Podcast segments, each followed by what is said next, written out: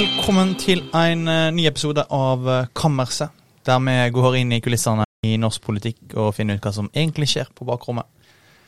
Og som vanlig har med meg eh, politisk redaktør Berit Aalborg. Velkommen. Takk for det. Og nyhetsredaktør, eller nyhenderedaktør, som han kaller seg sjøl.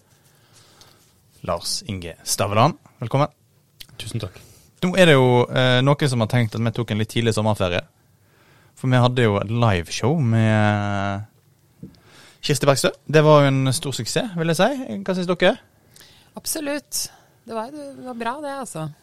Ja da, det var, det var kjempegøy. Eh, det, det var, først så var det jo spennende å gå live. Jeg sitter i fine stoler på Litteraturhuset. Eh, og så var det jo Jeg syns vi hadde en god gjest, eh, og vi hadde gode gjester. Eh, så det var Ja, altså stas. god besøk. Det var godt besøk. ja, ja, ja, gode gjester i salen. Og jeg vil jo si at det går live, det ga jo litt mersmak. Vi kommer til å gjøre det litt eh, plutselig Ja, følg med i episoden, for det kom en liten annonsering uti her. Eh, men, eh, men vi tok en litt tidlig sommerferie. Var det fordi vi lot oss blende av denne kristensosialisten, eller bare fordi vi fikk litt mye å gjøre, kanskje? Ja, du, du tenker at uh, Kirsti Bergstø satte oss litt, rett og slett litt ut? Nå er, nå er liksom alt sagt. Kanskje. Ja, Nei, kanskje. men- men Nei. det vi ønsker å si, i hvert fall er at uh, nå er vi tilbake, og uh, Men med en oppsummering, og så blir det etter dette, så blir det en sommerferie. Da blir det sommerferie, og så Mm. kommer vi tilbake i august. Eh, men det, litt mer om det etterpå. Um, først, i alle fall, så før vi går inn på kammerset, så pleier vi alltid å gå inn på forværelse. Og hva befinner seg der i dag, Berit Aalborg? Altså Ting som har gjort inntrykk på deg siste uka? Altså det, det som har gjort veldig inntrykk på meg den siste uka, er at vi har jo hatt denne saken om denne private ubåten som har blitt forsvunnet. Og nå er, er det med all sannsynlighet at eh, den er, er gått i stykker, og alle de som er om bord, er døde. Den har implodert. Den er implodert. Det, ja, det har for så vidt gjort inntrykk på meg. Men det som har gjort inntrykk på meg, er hvor mye fokus eh, liksom, verdenspressen og media har på denne ubåten. Og så veit jo vi en ting som jeg tror nok vi i vårt land følger ganske mye mer med på enn veldig mange andre nyheter. Alle de tusenvis av menneskene og, massevis av barn som eh, dør i Middelhavet hele tida. Eh, fordi at de prøver å, å flykte. og Det er rett og slett flyktninger i veldig dårlige båter. Og det er nå blitt helt sånn eh, det, er nesten ingen som legger merke til det lenger. Og forskjellen på hvordan det er dekt, har vært skrevet og sagt mye om i media. Men jeg må virkelig si at det har gjort veldig stort inntrykk på meg hvor stor forskjellen har vært på de to uh, hendelsene, da, eller den ene hendelsen og alle de andre hendelsene. Og jeg syns det, det, er jeg synes det er nesten noe sånn absurd og fælt med det, på en måte. At vi blir så opptatt av de fordi det er spennende og interessant, mens alle de som bare lider en helt forferdelig skjebne, bryr vi oss nesten ikke om lenger. Jeg, Altså, jeg, jeg er helt enig med deg, eh, Berit. Og dette er jo et sånt tilbake eh, det, det kommer jo stadig tilbake. Og det kan ikke si det enda verre, var at den store katastrofen i Middelhavet, der var kanskje 500 som drukna, den skjedde jo et par dager før eh, det ble kjent at den, den ubåten var savna. Og heller ikke da var det noe særlig eh, mediedekning av det. Det var kanskje litt under oppseiling. Det er vanskelig å se hvordan mediedekning hadde vært hvis det ikke hadde kommet den, den ubåten, men det var men det, det var jo noen uh, oppslag om at uh, gresk kystvakt hadde gitt feilaktig informasjon og ting som på en måte gjorde oss litt interessante. Men det er helt enig, når ubåten kom, så, så var det jo eh, det var ikke fokuset. Og så er det også andre sider av det her. ikke sant? Hellas, i hvert fall så har det vært sagt da, at, at Hellas har begynt å, å, ikke, å, å stoppe mat, matutlevering til en del av de flyktningene som er på en måte i limbo. Så det er en god, altså de som enten, enten har fått beskjed om at de får bli, eller at de skal sendes ut, men Ja. sitter uten pass. Det var den kronikken som sto i Ja. VG, var det? Det var en kronikk i VG av Ja. hun eh, Glatsbrubakk. Ja. Den gjorde også veldig inntrykk på meg. Så Mm. det er noe jeg bare, før vi NRK går videre, Ytring. Ja, jeg har bare lyst til å si før vi går videre at vi, vi er i ferd med å gjøre disse flyktningene til ikke-mennesker med ansikter. Altså Vi snakker ikke om dem som om de er mennesker som oss lenger. Mm. Og Det syns jeg er veldig illevarslende. Jeg har bare lyst til å si før vi går videre. Eh, det kan hende, Berit, at uh, det vil glede hjertet ditt uh, at i alle fall din egen kommentaravdeling tar tak i temaet i løpet av de, neste timene. Det er jeg veldig glad for, og det må vi da alle følge med på. På lørdag skal Emil skrive om dette Ja. temaet. Denne episoden eh, blir jo da spilt inn fredag morgen, uh, og Eh, og den kommer da i morgen, den kommentaren. Um, uh, Lars Inge, hva har gjort inntrykk på deg uh, siste uka? Jo, altså, jeg har vært på Facebook, um, og jeg har sett litt på i liberale kretser på, på Facebook. Så er det en bestyrtelse over at uh, FHI uh, på en måte har tatt et vinglass fra de. Eh, det var nyheten, de nye kostholdsrådene. Eller er det FHI? FHI, altså, ja, det er vel uh, Ja, det er de av kostholdsrådene iallfall. Men hva kaller det bare? Stor de offentlige kostholdsrådene. Stor K. Statens råd for kosthold. Mm. Uh, eh, og der, der er det en eh, der, der er det, en sånn, det virker som en slags sjokk eh, over å få talt at alkohol er ikke bra for deg. Det har vært forskning på forskning på forskning som viser at alkohol ikke er bra. Og den der tankegangen om at det skal være greit å ta et at det skal være bra for hjertet å ta et glass rødvin og sånn, den er knust for ganske mange år siden av forskning. Eh, men så er det fortsatt en sånn bestyrtelse over at kostholdsholdene skal ta deg inn. Altså, vi som eh, eh, Men altså, det, er ingenting som er mer liberalt enn å si at Vet du hva, staten har kommet med nye kostholdsråd. Greit, men jeg trenger ikke følge dem. Det er jo det som er den liberale tankegangen. Men isteden er de låst fast i en sånn derre det, det virker liksom sånn at de er personlig ramma av dette her. Og det er liksom fascinerende, fordi kostholdsråd handler jo liksom om, om Det er jo råd til folk. Og da må vi kunne liksom Men tror ikke du det handler om at dette er den gruppa som har fulgt de fleste andre både trenings- og kostholdsråd, og nå Ja. kommer det første gangen noe som folk trener, folk eh, spiser mindre kjøtt, mer vegetar, alt det der, og nå kommer det plutselig et kostholdsråd de ikke har lyst til å følge. Kan du gripe inn i liksom den hva skal jeg si, den urbane livsstilen med dyre, dyre råvarer og, og full pakke, og, Og gode, gode grønnsaker og god dyrvin. Ja, jeg kanskje uten å dra for mye av klasseperspektivet inn i det, så tror jeg det er noe der, altså. Kan du se for deg lidelsen, de stakkarene som må gå på et Civita-møte en tirsdag kveld uten å kunne drikke et glass eh, øl? Ja, Eh, men da kunne de. Men ikke sant, det som hadde vært erkeliberalt, eller det som hadde vært i tråd med Civitas ånd, da hadde jo vært sagt OK, kostholdsrådene og sånn og sånn, vi tar våre egne beslutninger, vi velger å ikke følge dem. Drikk eh, med måte gjerne, men eh, drikk uten å ha dårlig samvittighet. Men bommer ikke du litt på, eh, på kritikken her? For det er ikke kritikken at eh, kostholdsrådene er for snevre. Altså at eh, velvære God helse er bredere enn liksom den der hva du putter inn. At uh, hvor, Men det virker som folk blir veldig indignert over at disse kostholdsrådene i det hele tatt kommer på bordet. Ja, eller at de mener at de er litt smale. Ja, det kan også Ja, godt hende. men altså, det finnes veldig gode sosiale eh, grunner til å ta seg tre og fire pils. Eh, det, det kan motvirke ensemd og, og full pakke. Det betyr ikke at det er sunt. Eh, og, og hvis du skal ha et kostholdsråd, så og du skal, du skal vatne deg ut veldig, da, så blir det litt rart. Og jeg vil si at det, altså, vi som gjør i vårt land, vi har jo, vi har jo fått høre at eh, alkohol er ikke bra for deg. Alkohol er synd og full pakke. Så vi, vi klarer jo å håndtere sånne det, vi, det er jo litt morsomt. Vi klarer kanskje å håndtere det litt bedre enn de som eh, Vi er litt mer vant til den er litt vant med å få høre at dette er ikke bra for deg. Hva, står, det, står det i nye fors- kostholdsrådene at alkohol ikke er synd? Oi. Kanskje du burde fått Ja. inn Det var det du burde Ja, da, eh, vi, vi tok oss god tid i forværelset i dag. eh, Ja, du har ikke fått komme til ordet, du? Nei, er ikke, vi- er langt ute i, i sendingen. Um, jeg eh, jeg eh, har lest eh, bok. Uh, tenker jeg tar den høykulturelle delen av dette. Drakk du vin mens du leste boka? Drakk, eh, eh, ikke drukket vin eh, så langt Nei. mens jeg har lest denne boka. Det er jo, altså, Jeg har flytta til Årvoll eh, og prøvd å, å integrere meg sjøl. Eh, så jeg har blitt anbefalt å lese Roy Jacobsen, som eh, jeg kommer fra Årvoll. Eh, og han skriver i flere av bøkene sine om oppveksten der. og eh, jeg har, begynt, jeg har lest 'Vidunderbarn', en fantastisk bok, eh, som fikk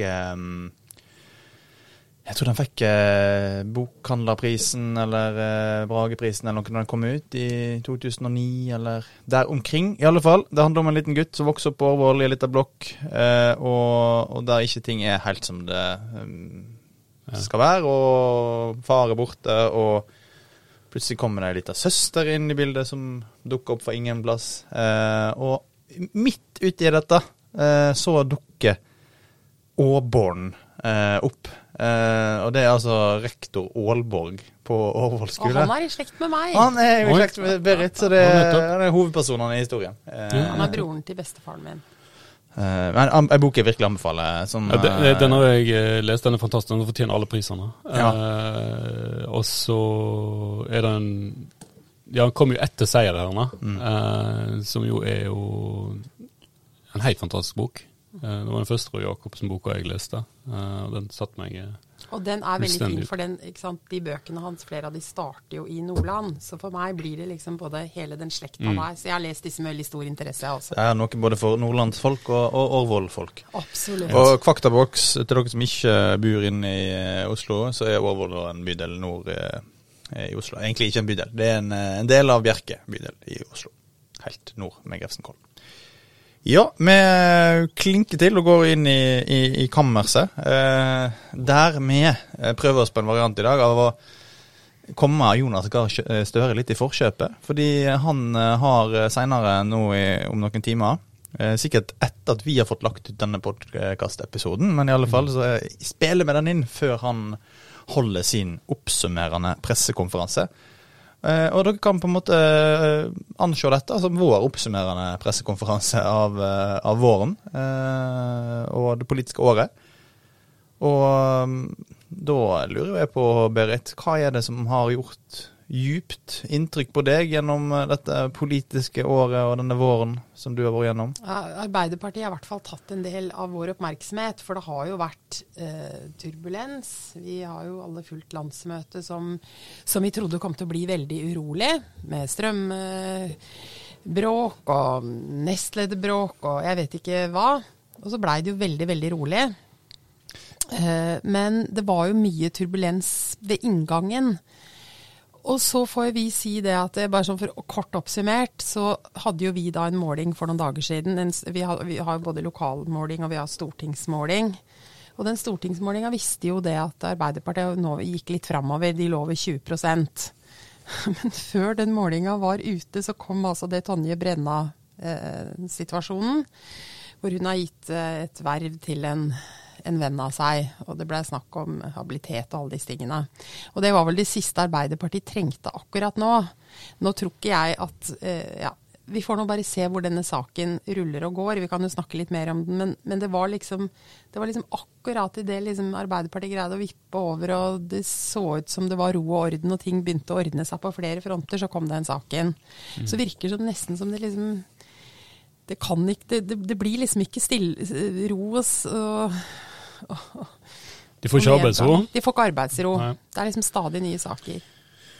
Nå, nå tikker det en pressemelding her fra NTB om at uh, Anette Trettebergstuen, uh, kulturministeren, skal kommentere habilitet uh, på en pressekonferanse straks. Så jeg vet ikke. Oi, Det er mer uh, såpass, oi. Mer drama i vente. Vi vet, vi får se. Um, I alle fall, det er ikke partiet Sentrum som har uh, prega det politiske året for deg, Berit Aalborg.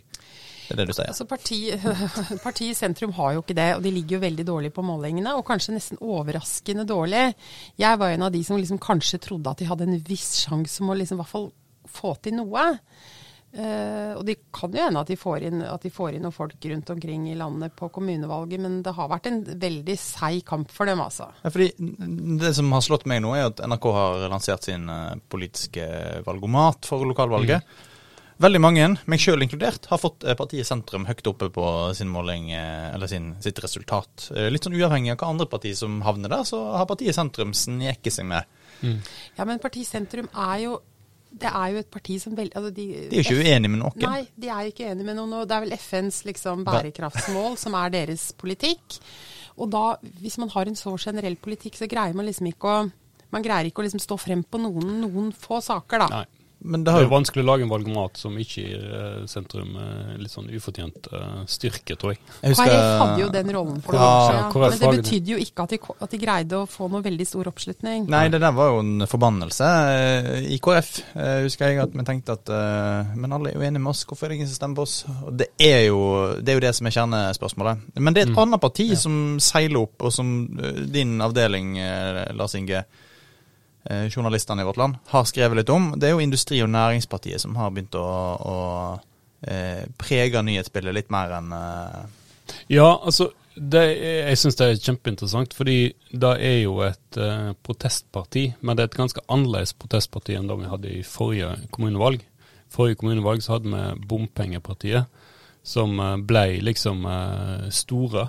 eh, og de avgjør jo makta både i, i Iallfall i Stavanger. Eh, de gjorde vel det i Bergen òg. de har jo, de har jo eh, forsvunnet helt fra scenen nå. Industri- og Næringspartiet er et eh, litt annet parti. Eh, det er både eh, Der er det både litt strømprotest, eh, det er litt eh, klimaskepsis. De er jo mot eh, Parisavtalen. Eh, men i tillegg til det så har de jo en politikk på andre områder som, som eh, Per Anders Hoel eh, også gikk gjennom. journalist i vårt land, Ja, Faktaboks. skjønner- ja, ja, ja. Alle vet hvem Per Anders Hoel er. og han eh, gikk og så på verdisakene til, til, til Industri- og Næringspartiet. Og nå vet ikke jeg om dette partiet har hatt et, på en måte, hvor stor politisk behandling det har vært om disse ulike sakene. Eh, men det viser jo et parti som har en veldig hva skal jeg si, liberal eh, eh, politikk, bl.a. På, på abort eh, og dette med de ville frata trossamfunn som, som eh, ja, hva var korrekte formuleringer, eh, som eh, eh, som ikke tillater likestilling eller noe sånt, går mot likestilling, eh, statsstøtten. Og det er jo det er jo det, er jo, det er jo litt sånn paradoksalt, da. At det er liksom de Og de, de gjør, det, gjør, det jo godt i, i bibelbeltet, eller konservative delen av Norge spesielt. Men det er jo litt som med veldig mange små partier, at de kan ha ganske ytterliggående synspunkter på enkeltsaker, fordi at det er så få som er med å vedta det. Ja. Så plutselig får de liksom eh, er det, Plutselig er det to ildsjeler som har lyst på et standpunkt, og så blir det fort sånn. Mm. Jeg tenker også, Det er jo noe interessant der med, med Eller jeg så, så i går i Klassekampen hadde et oppslag om at uh, lederen, han eh, altså, lederen for eh, Industri- og Næringspartiet, hadde uh, han, han hadde det han sjøl omtalte som ei åpen holdning i klimaspørsmålet, eh, som betydde at han egentlig ikke trodde at klimaendringene var menneskeskapte. Eh, Det er jo imot, ja, sant. Eh, han, han, det var, han sa Han eh, gikk vel ut og sa at han eh, tok avstand fra folk som kalte han en klimaskeptiker, mens han i ingressen da skrev, sa at eh, Men det er, ganske, det er jo fortsatt en del klimaskeptikere i Norge. Ja, absolutt. Selv om vi nå ser Vi ser jo været, det ruller jo innover oss med 30 grader i Nord-Norge, og her er det skikkelig sånn derre troperegn. Altså, ja. det, det, det er jo det er interessant det med klimaskepsis i Norge, for Norge er jo en av de, de landene i Europa med, med en størst andel klimaskeptikere. eh, og vi har faktisk. også mye olje. Ja, og, og så er det klart at det, eh, Og så er det spørsmålet hvor mye mobiliseringskraft er det i klimaskepsis igjen i Norge nå? Og den er nok mindre. Altså jeg Den tror nok nok- eh, enig altså. analytikerne i, i Frp eh, tenker nok at det er ikke så mye å hente for et parti som har ambisjoner om å være mellom eh, ja, komme opp ikke- på kanskje 20 Kanskje ikke på ren klimaskepsis, Men det kan være Ja, ikke sant? på Altså, oljeutvinning er det jo fortsatt altså det, det, jo, Ja, ja. Det, det kan jo ha en sammenheng. jo, men det går jo langt inn i de, de store styringspartiene. Absolutt. Eh, men jeg tror, jeg tror eh, klimaskepsis i seg sjøl, hvor, hvor mange prosent eh, kan du mobilisere av, av velgerne med klimaskepsis nå, eh, så, så er en eh, jeg tror langt under 5 tror jeg. Jeg, blir jo mobba litt for å være en sånn Arbeiderparti-apologet eh, når jeg skriver kommentarer for tida, men, men jeg, fordi det er veldig så mange som er negative til eh, utviklingen av Arbeiderpartiet, og hvordan det går med partiet kontra eh, Høyre. Eh, men eh, den siste tida så har vi vel sett ei endring i hvordan Arbeiderpartiet og regjeringspartiene mer offensivt har klart å eh, ta f.eks. den skattedebatten. At, at vi fikk et flertall der med Pasientfokus og Venstre som sikra lakseskatten. Og det virker jo som om Støre sjøl kanskje er opptatt av å på en måte lage, lage noen sånne breiere allianser da, på Stortinget. Og det er jo interessant, og jeg tror nok det er lurt å tenke sånn. Og så er det jo, det er jo veldig sånn når de greide særlig å få Venstre over på sin side, så blei det en liten sånn liten kile der inn i hva skal vi kalle det, borgerlige flertallet. Ja, uten tvil. Det, det er noe som i hvert fall rokker ved den eh, glade fortellingen til Høyre om at det finnes et annet flertall. Og så var Eh, jo Venstre ute og kritiserte Høyre etterpå.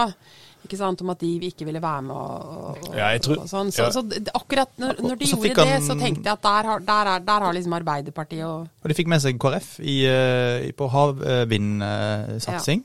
Ja. Der var KrF med på å sikre flertall. Ja, det er og det var jo uttelling for eh, Støres flere besøk borte i KrF-fløyen på Stortinget, som Vårt Land har skrevet om eh, at han driver med. Eh, Som er en del av sikkert eh, en strategi om å breie ut et flertall som som er mer enn bare Senterpartiet. Ja, så tror jeg for velgerne sin del, dette er jo karikert da, men karikaturen av, av Støre som, som litt sånn litt der oppe og snakker med Scholz og, og, og, og liker seg best i Brussel, eh, og eh, mens her i Norge blir dratt fra skanse til skanse av opposisjon og SV, eh, nå ser vi kanskje litt tydeligere at han prøver å ta regi, da, og at han klarer, vel, lykkes med å ta regi. At det, det som skjer på Stortinget, ikke bare skjer på, i forhandlinger med SV. At det, det, det er litt mer hva skal jeg si, retning på ting. da.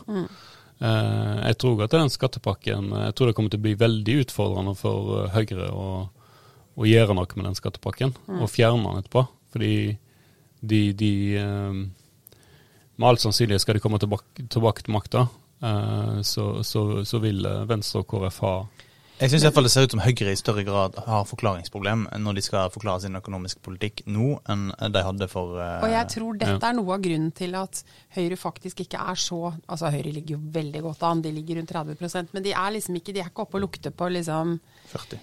ja, 40-tallet har de vel ikke vært helt oppi, men de har vel, jeg husker ikke det øverste tallet, de har vært over 35. Ja, de, ligger, de ligger nå nærmere 30 enn ja, Ja, og det, jeg tror det er grunnen til det at Arbeiderpartiet framstår noe mer som et styringsparti som liksom greier å breie seg ut og, og, og, og ta, den, eh, ta den posisjonen, da. Så jeg tror nok vi vil komme til å se mer av det i tida som kommer, altså. Ikke et vondt ord om vår tidligere gjest eh, Bjørnar Skjæran, men uh, det ser ut til at Jan Christian Vestre og Tonje Berna er i bedre stand til eh, Mm. å stø opp om partilederen eh, i Ja, offentligheten. De, de er jo, og de sitter liksom De, de er jo liksom litt mer sentralt plassert i norsk politikk på en eller annen måte.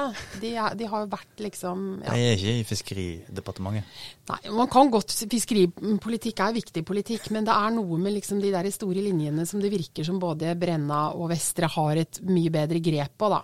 Ja. Det er det. Um, det har òg vært uh, Freia-debatt den siste tida. Eh, Jeg vil ikke si det har prega våren, kanskje, men det har jo, har jo vært en uh, oppheta debatt uh, i eh, spaltene om eh, Og i redaksjonen.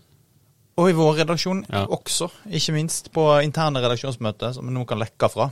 Eh, Så, eh, så har det vært oppheta. Eh, diskusjonen har gått eh, mellom om, eh, om en skal boikotte Freia, eller om, en, eh, eller om det er tull å bare boikotte ett eh, eh, ett selskap helt sånn vilkårlig, når en ikke boikotter alle de andre som står på Ukrainas eh, liste over selskap som bidrar til Og vi har jo en sjefredaktør som har skrevet en kommentar om det.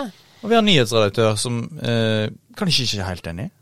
Nei, jeg er ikke helt enig med Bjørn i, i, i det, altså. Men eh, jeg tror det er feil. Altså, Bjørn hadde vel en sånn tankegang om at eh, det, det er noe som heter 'every little bit helpism'. Eh, som bare sånn at eh, gjør noe, det er bedre enn å gjøre ingenting. Eh, men, Som jo er den riktige tankegangen, eh, vil mange hevde. For du er helt enig med Bjørn? Jeg er enig i det, altså. Et, ja, men, Men, altså, og derfor er det har interessant å høre hva som er din kritikk, for det er jo litt eh, spennende. Ja, altså jeg mener at, eh, jeg mener at eh, hvis du skal få en sånn derre eh, Nesten en sånn opinionsstyrt boikottpolitikk, da, eh, så, så på en måte undergraver du hele, hele egentlig hele boikottinstituttet. Nei. Da- Jo, vent nå, la meg være ferdig, da. Jeg ser du sitter og hopper og trapper her. Altså eh, vi har eh, vi har liksom en boikottlinje som er bestemt av EU, eh, og du er veldig glad i EU. Eh, Emil, det er ikke Bjørn helt, eh, men eh, du er veldig glad i EU. Eh, og her må jeg bare si at eh, det kan være greit å være lojal mot eh, EUs eh, boikottlinje. Og så er det òg en ting med den Freia-boikotten. Det ble jo framstilt som at dette var en sånn grasrotinitiativ. Da var det jo på ingen måte. Dette var selskaper som tok et grep for å sikre sitt eget omdømme, eh, og sa at vi ville ikke samarbeide med, med Mondelez, et selskap som var i, eh, i, eh, i hadde en fabrikk med 3000 ansatte i, eh, som de ikke klarte å bli kvitt i Russland. Eh, og det er sikkert eh, Jeg har ikke gått inn og sett på om det er Det, det, det er ikke nødvendigvis sånn at, at det er rett å bare trekke seg ut og la oligarkene overta alle verdiene en sitter med i Russland. Eh, det har jo oljefondet slett med òg. Eh, så, jeg tror, Men den der opinionsstyrte boikottpolitikken, og at uh, den som roper høyest om boikott, uh, skal liksom eh, på en måte være en bedre Ukraina-venn enn andre, det syns jeg blir minner om posering og den tankinga om at liksom eh, du skal redde Ukraina én Kvikk Lunsj av gangen. Eh, det, blir liksom, det blir for enkelt. Altså. Mens det du driver med her nå, eh, det var det Bjørn Bore, sjefen vår, sjefredaktør i Vårt Land, O store si Bjørn kalte uh, snusfornuftsposering. Eh, og, uh, treffende, vil jeg si. Fordi uh, dette er jo du, Det du gjør her, du blander hummer og kanari når du sier at EU sin sanksjons... EU sitt sanksjonssystem er det, liksom, det, er det vi skal forholde oss til. Og så trenger ikke sivilsamfunnet, forbrukere, markedet gjøre noe i, i tillegg. Og det var jo ikke helt tilfeldig. Eh, det var SAS som gikk ut og sa at de ville boikotte Mondelez. Fordi de hadde systematisk gått gjennom Ukrainas eh, krigsprofitørliste og, og, funnet ut at eh, der var Mondelez. Det ville ikke de ha. De ville ikke ha noe med krigsprofitører å gjøre. Fordi at SAS driver og henter ut ukrainske soldater på sine hospitalfly, og vil dermed ikke bidra til Glipa deres mellom på den ene sida hente ut skada folk og drive og selge sjokolade blei for stor. Men jeg må jo bare si det at Og det har jeg veldig stor respekt for, og jeg syns det er kjempebra. Jeg også syns det. Eh, men så er det jo Boikott er et vanskelig virkemiddel må vi si, da. fordi at vi har jo hatt Det er mange runder på hva man skal boikotte og ikke. og og sånn, Men den mest vellykka boikottaksjonen, men det har jo vært en statlig boikottaksjon, men også en privat boikottasjon, det var jo boikott av Sør-Afrika i sin tid. Jeg husker det veldig veldig godt fra min ungdomstid, og den hadde jo en stor effekt. Men boikott har tidvis blitt brukt og ikke brukt, både med hell og ikke. Men, men, det er jo et veldig sterkt virkemiddel, da. Det er det. Og det er jo mange, som, eh, eh mange av våre lyttere som sikkert kjenner til at Eh, at det er en eh, stor diskusjon om boikott av eh, Israel. Ja. Den israelske staten, den israelske bosetninga. bosetninger. Mm. Der det har vært et kontroversielt virkemiddel i, i mange miljø, naturlig nok. og diskusjon om hvorvidt det vil være effektivt på linje med det det var i Sør-Afrika. Og så er det alltid en stor forskjell på kulturboikott og økonomisk boikott. Ja. For kulturboikott har jo med at man noen ganger kan få kontakt med folk. Ja, men det er fint. Altså, det, det, Israels boikott er jo et, eh, er jo et eh, godt, uh, godt, eksempel. Altså, det Israel driver med i bosetningene og rundt omkring på Vestbredden og Gaza, er jo vært der og det er, det er ganske sjokkerende mye av det du ser. Eh, og så spørsmålet eh, hjelper det å boikotte mm. israelske eh, appelsiner eh, av den grunn. Eh, jeg tror ikke nødvendigvis det. Det går an å ha med mer målretta boikott mot enkeltaktører i bosetningene. Mm. Men jeg tror bare at en, en, den der opinionsstyrte eh, boikottlinga blir litt sånn forenkla. For forenkla. Da får vi huske, må huske på at vi handler jo fortsatt med Russland. Eh, det kan slå tilbake mot, mot oss òg. Altså, vi landa i 2022 fisk for 1,3 milliarder, milliarder, kroner eh, av russiske fiskebåter i Norge. Eh, jeg syns jo altså En eller annen gang så Og, og vi gjør jo det fordi vi frykter at dersom vi stenger Russland ut, så ryker fiskerisamarbeidet. Fiskeripolitikk, eh, Emil, er kjempeviktig.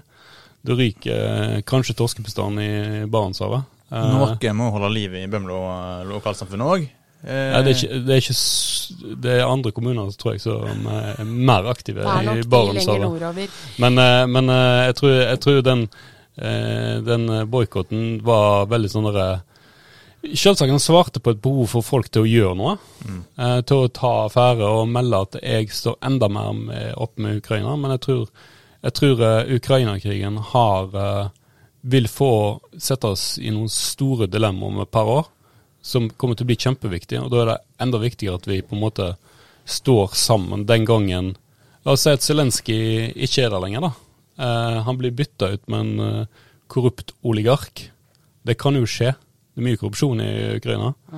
Eh, om fem år så, og så, og så blir det en sånn politisk debatt i Norge da, om en skal gi luftvern til, til Kharkiv når en ikke klarer å ha luftvern i Oslo. jeg, jeg må bare si det at selv om da, jeg da, vi, da snakker vi Da snakker vi en debatt som vil eh, som er vi er ikke det. Jeg, jeg vil bare si at selv om jeg eh, var enig og er enig i boikotten av Freia, så må jeg si at jeg er veldig sansen for mange av argumentene dine, Lars Inge. Og jeg tror den boikottdiskusjonen kommer til å leve videre i vårt land som i resten av samfunnet.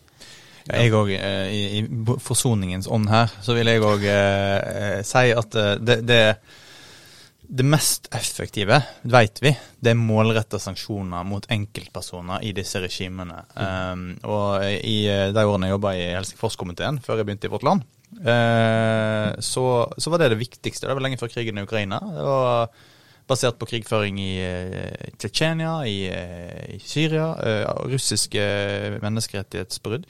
Eh, da gikk vi ut og krevde eh, at målretta sanksjoner av russiske ansvarlige overgripere. Det tror jeg er mye mer effektivt. At de ikke får lov å reise på ferie til Romsdalen. Eh, at de ikke kan sitte der med yachten sin eller sende ungene sine på kostskole i Frankrike eller til sommerhuset i NIS. Mye mer effektivt å ramme dem på den måten enn å ramme 3000 arbeidere på en fabrikk i eh, en eller annen plass i, i Russland. Nå må jeg jo være litt forsonende, da. Fordi uh, jeg, jeg Nei, nå ble det veldig vårt landsk her. Nå ble det Ja, veldig det er mye samling i sentrum. Nei, uh, jeg skal si at uh, det aller viktigste som har skjedd overfor Russland sånn økonomisk, altså industripolitisk, er jo tross alt uh, boikottlinga av russisk gass, som har smerta spesielt Tyskland noe helt enormt.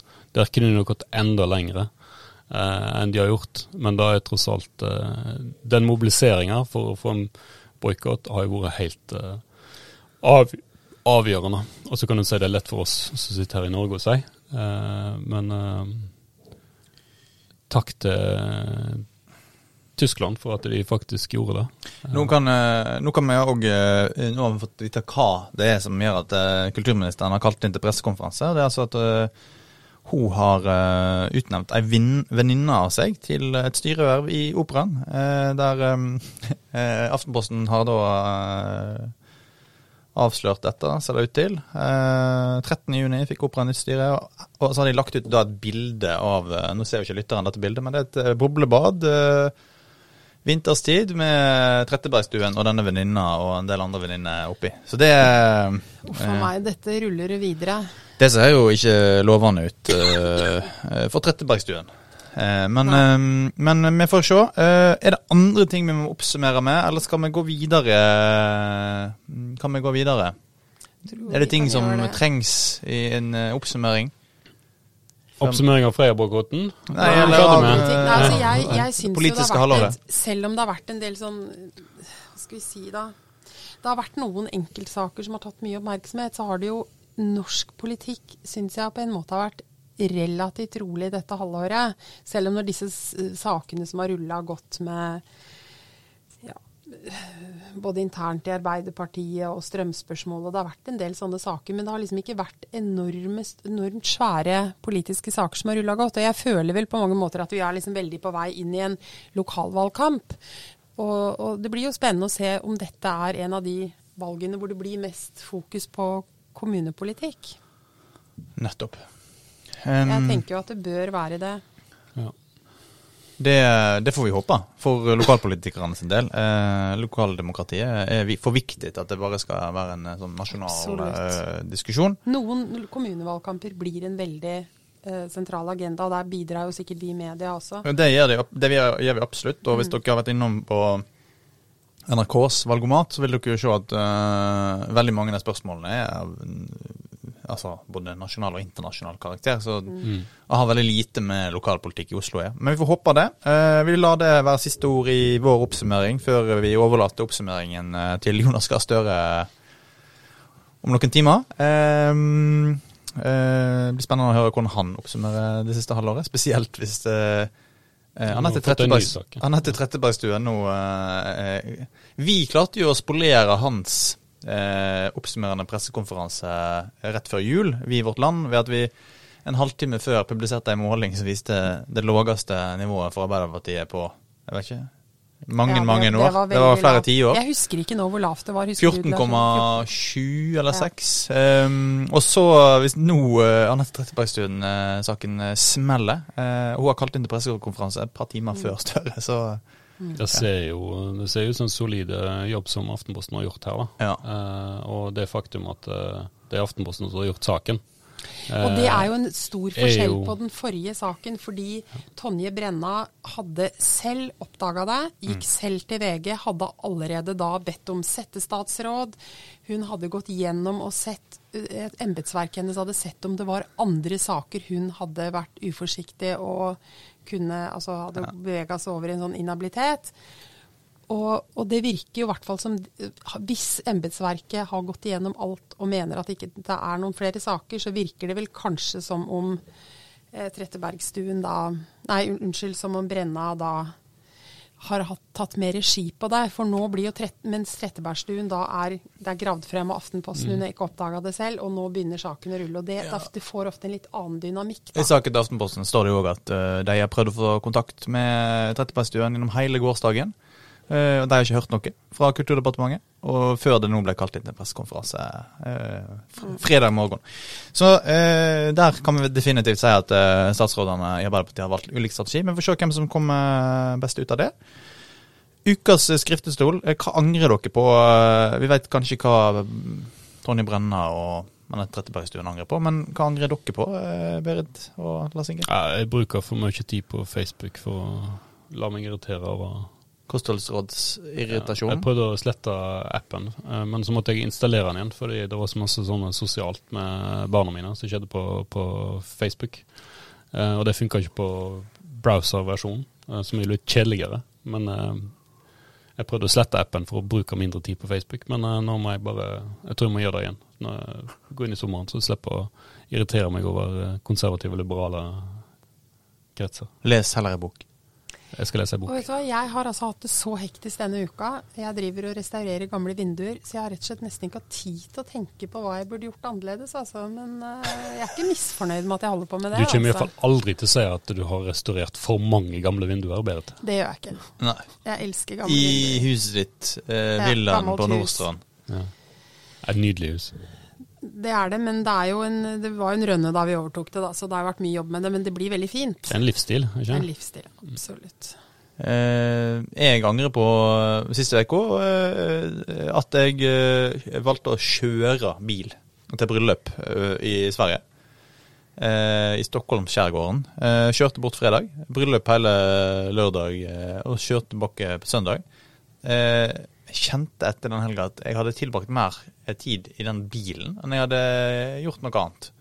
Eh, burde tatt tog eller flydd eller sykla eller eh, gått. Eh, Tog er alltid veldig bra, men dessverre er tog blitt kjempedyrt. Ja, det er det. Det skal jeg skrive en kommentar om på et eller annet eh, tidspunkt før sommerferien, tenkte jeg. En togkommentar fra Berit i varsla der, eh, altså. det altså. er veldig synd. Altså. Eh, vi, da, vi går videre med i, eh, i denne sendingen, eh, eller episoden Sending. Jeg høres ut som jeg jobber i eh, NRK eller eh, TV 2. Men eh, vi er jo eh, en eh, liten podkast i Mentor Medier-konsernet. Eh, og eh, Uregelmessig sendetider. Nei. Ja, det vil jeg bare si. Altså, eh, målet vårt er eh, at det skal komme episode så ofte som mulig, helst hver uke. Eh, Men de siste ukene har, har det vært uforutsette hendinger som har dukka opp. Gjester som har vært vanskelig å få tak i, og andre ting. Eh, Men vi lover bot og bedring fra høsten av. Eh, Det vil jeg bare Og gjennom valgkampen skal vi ha det. Absolutt. Ja, ja, altså høsten, sensommeren, mener du? Altså i august? August er vi tilbake. Fordi Og det bringer oss til eh, at eh, hvis det er noen som har lyst å oppleve det de eh, mange frammøtte på Litteraturhuset fikk oppleve i mai, når vi hadde liveshow, men som ikke bor i Oslo, men som kanskje bor mer eh, la oss På si, på Sørlandet, eh, så har dere nå en mulighet. Fordi 17. august så er planen å ha eh, liveshow i eh, Kyrkjeskipet på, eh, på Arendalsuka. Det altså det er Den norske kyrkja som har et eh, skip der de arrangerer ulike møter. Og vi skal, står fritt til å snakke om akkurat hva vi vil. Men de har bare spurt om vi ville være der og, og ha et show, og det, Har vi lyst til. det har du lyst til. Så der eh, dukker det opp oss eh, og en spennende gjest som vi kommer til å annonsere når det nærmer seg mer. Men eh, det er bare å komme dit. Eh, det er mm, Det blir oppretta et arrangement på Facebook. Det blir kjempekjekt. Det blir rett og slett kjempekjekt. Eh, så det håper vi alle at dere Håper vi at eh, mange kommer på. Eh, Så beveger vi oss helt over til ukas siste post, eh, nemlig ukas profeti. Og det oppsummerer vi kanskje profetier inn mot lokalvalget, har vi blitt enige om her i dag. Eh, Jeg, Jeg har ikke tenkt å gjøre det, altså, men dere to har tenkt å gjøre det. jeg har tenkt å gjøre det. Jeg kan starte, så kan vi ta Berit og så Lars Inge. Um, Raimond Johansen tror jeg kommer til å bli redda uh, som byrådsleder i Oslo uh, av uh, Waltersøs parti, nye protestparti, Industri- og Næringsparti. Jeg tror de kommer til å havne på vippen i Oslo, det som flere målinger viser. Eh, flere av de siste målingene viser det. og Sannsynligvis kommer det til å være et parti som eh, de større partiene må regne med i, når de skal seg ned og, eh, og skal forhandle om makt etter valget. Og jeg tror at eh, Industri- og Næringspartiet kommer til å gi makta til eh, Arbeiderpartiets eh, Raymond Johansen. Litt fordi han er en veldig Han er en kjent og populær uh, by... Nei um, uh, uh, Nå har jeg glemt tittelen til Raymond Hansen. Han er byrådsleder. Byrådsleder.